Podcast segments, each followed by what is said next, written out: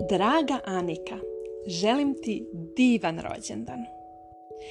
I imam jedno malo iznenađenje za tebe. Pročitat ću ti jednu od kavkaskih bajki.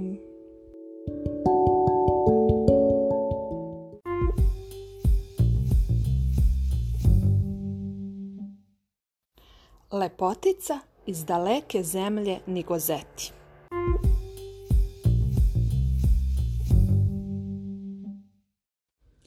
Živeo jednom jedan car, pa imao tri sina.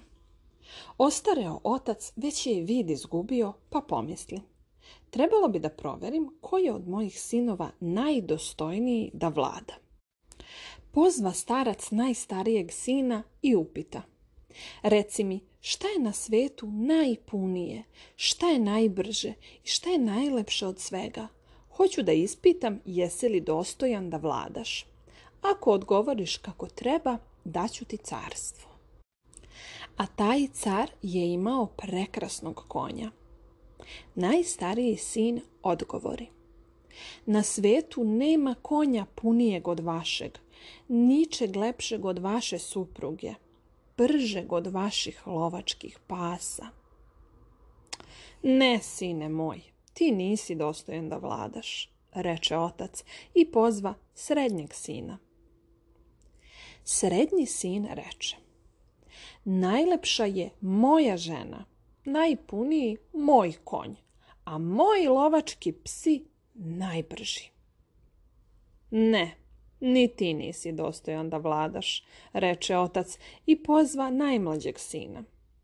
Sine moj, sva nada je u tebi i vid mi moraš vratiti i moje zagonetke odgonetati. Reci mi, šta je na svijetu najpunije, šta je najlepše i šta najbrže od svega.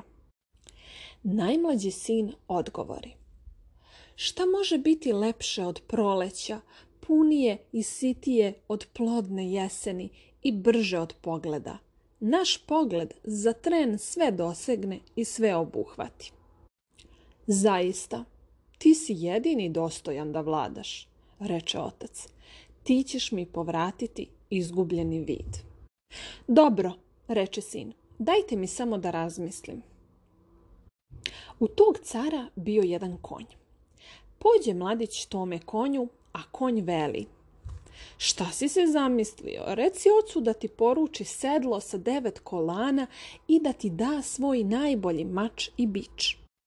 Čim me uzjašeš, udri me tim bićem tako da se mene sleti koža za tri opanka, ja ću pojuriti i to tako da niko neće primetiti jesam li poleteo u vazduh ili sam u zemlju propao. Gde se zaustavim, tamo siđi i počni da kopaš zemlju. Naći ćeš lek za oca. Samo pazi, hvataj ga brzo. Ako ne stigneš, odleteće u nebo. Mladić učini tako. Doletiše na ono mesto i on žurno raskopa zemlju. Odjednom nešto nalik na sneg izlete iz zemlje, vinu se u nebo i istopi u vazduhu. I to tako brzo da on nije ni stigao ni da ga vidi, a kamoli rukama da ga uhvati. Konj reče, e, to će tek kroz nedelju dana pasti natrag, a dotle, umjesto da ovdje čekamo, bolje da odemo.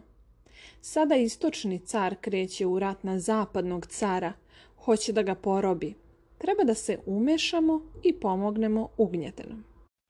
Mladić pogleda, vidi, kreće se nešto, sve se crni od prašine. A to se kreće vojska istočnog cara. Mladić polete na svom konju i zaroni tamo gdje je najgušće. Konj gazi kopitama, a mladić seče mačem i levo i desno, pobi sve. Samo je car sa svojim savjetnicima uspeo da utekne. A zapadni car gleda u dogled i vidi neprijatelji potučeni, razbežali se. Car se čudi. Ko mi je to pomogao? Ko je uništio sve moje neprijatelje? Mladić je u toj bici posekao mali prst te poslao caru poruku. Pošaljite mi čime da previjem ruku. Na to su svi dotrčali vode ga sa poštovanjem, uveli ga u poseban dvorac, stavili da se odmori, a konja odveli u konjušnicu, rasedlali ga, istimarili ga, pokrili ponjavom, hrane suvim grožđem i bademom. Pozavideše dvorani, poplašiše se da car toga mladića ne približi sebi, odoše i rekoše caru. Taj mladić može da dobavi slonovu kost za ceo jedan dvor. Naredite mu da donese. Mladić dođe na doručak, a car mu veli. Sagradi mi dvorac od slonove kosti. Dozvoli mi da razmislim, odvrati mladić. Otide i reče konju. To nije teška stvar, kaza konj. Samo uzmi od cara sto mešina vina, svaku od trideset vedara i što više vune, sagradit ćemo dvorac od slonovače. Mladić tako reče i caru. Spremiše mu vina i vune. Ode on u zemlju gdje ima slonova. Stiže. Stoji planina, a iz nje izbija devet studenih izvora. Slivaju se svi zajedno baš tu vodu piju slonovi. Mladić zagradi vunom kod izvora put vodi i pusti je na drugu stranu, a od ostatka vune i kamenja napravi branu i nali u nju vina. Slonovi dođeše na pojilo, a vode nema. Probaše vino, nije im prijalo, te odoše. Ali žeđih muči, šta da rade? Malo su stajali, gledali, ne izdržaše. Ponovo priđoše i počeše piti vino. Piju, piju, svi se opiše i svi popadaše na zemlju. Sad idi, radi mačem, reče konj, seci kljove. Što su mogli uzeše, ostalo složiše na gomilu da ponesu sljedeći put.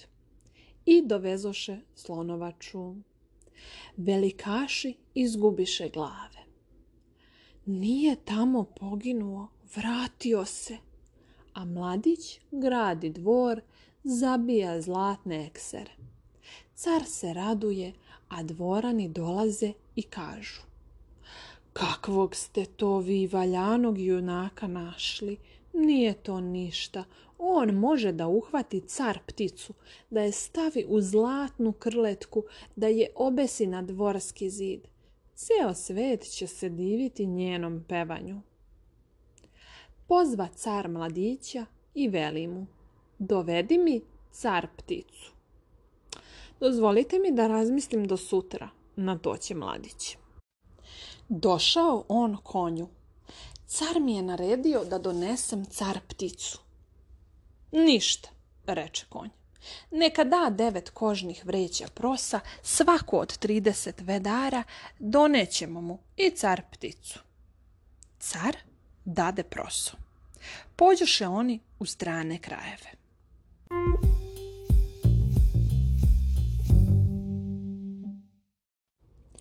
Idu, idu, vide planine, u planinama tušta i tma ptica – cvrkuću, pevaju, na sve moguće načine izvijaju. Konj reče, sada lezi i zatrpaj se prosom. Doleteće ptice, a car ptica će sesti gore iznad tvoga srca.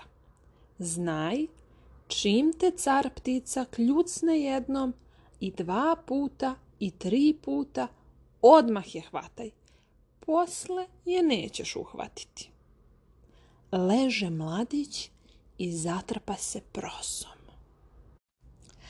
Leti car ptica, za njom lete ostale ptice, cvrkuću prekrasno izvijaju. Sleteše i počeše da kljucaju. Kljucnu car ptica jednom, drugi put, a kad kljucnu treći put, uhvati je mladić i skoči na noge. Napadoše ga ptice, kljucaju ga, grebu, biju krilima, misliš ubiće ga.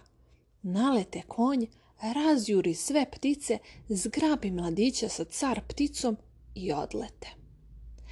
Dođoše i donesoše car pticu. Čude se dvorani. I to je mogao, živ se vratio. Pođuše i izvestiše cara.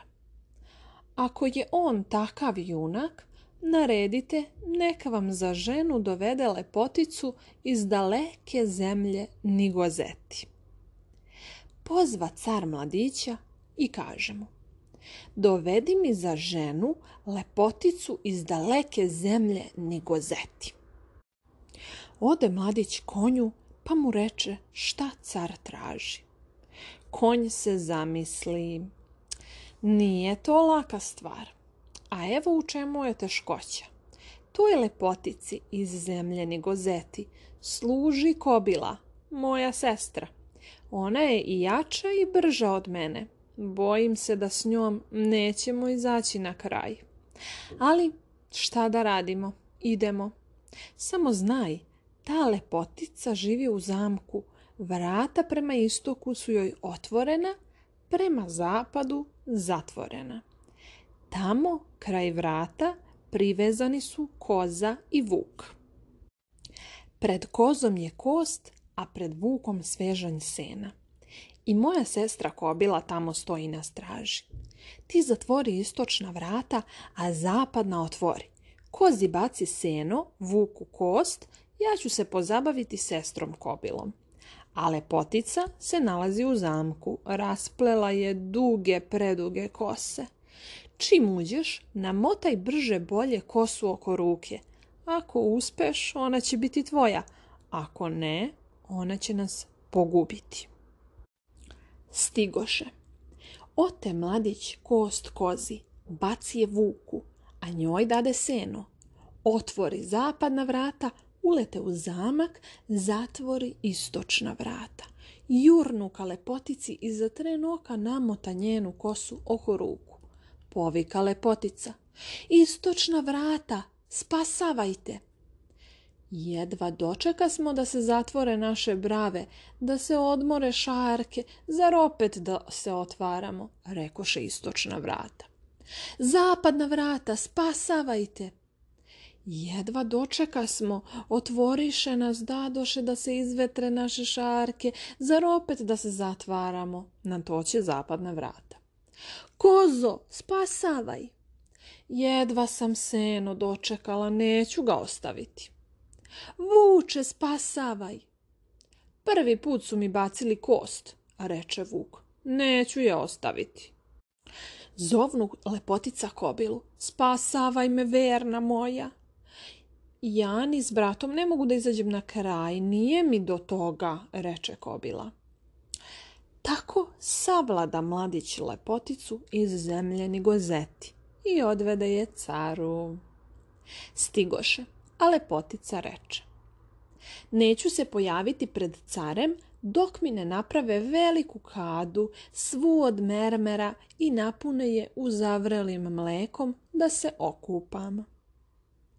Namestiše kadu, napuniše je vrelima mlekom. Neka izvoli car, reče lepotica. Car dođe. Izvolite, prvo se vi okupajte, reče lepotica. Car priđe kadi, a lepotica ga gurnu. Upade car u vrelo mleko i skuva se. Pobacaše u mleko i sve dvorane, niko ne ostade u životu. Dobi tako mladić i istočno i zapadno carstvo i lepoticu iz daleke zemlje Nigozeti. A dođe vreme i da onaj lek protiv slepila padne s neba, tek što se nije opet u zemlju zario. Mladić polete na konju, uspe da ga uhvati u vazduhu, ne dade mu na zemlju da dodirne. Vraća se mladić kući, vodi lepoticu, nosi ocu lek protiv slepila, obradova se slepi otac što se sin vraća kao pobednik. Evo, oče, i lek sam ti protiv slepila doneo i lepoticu iz daleke zemlje gozeti sebi zadobio – a još sam i dva carstva osvojio, obradova sin oca. Otac progleda, prirediše bogatu svadbu i počeše srećno živeti.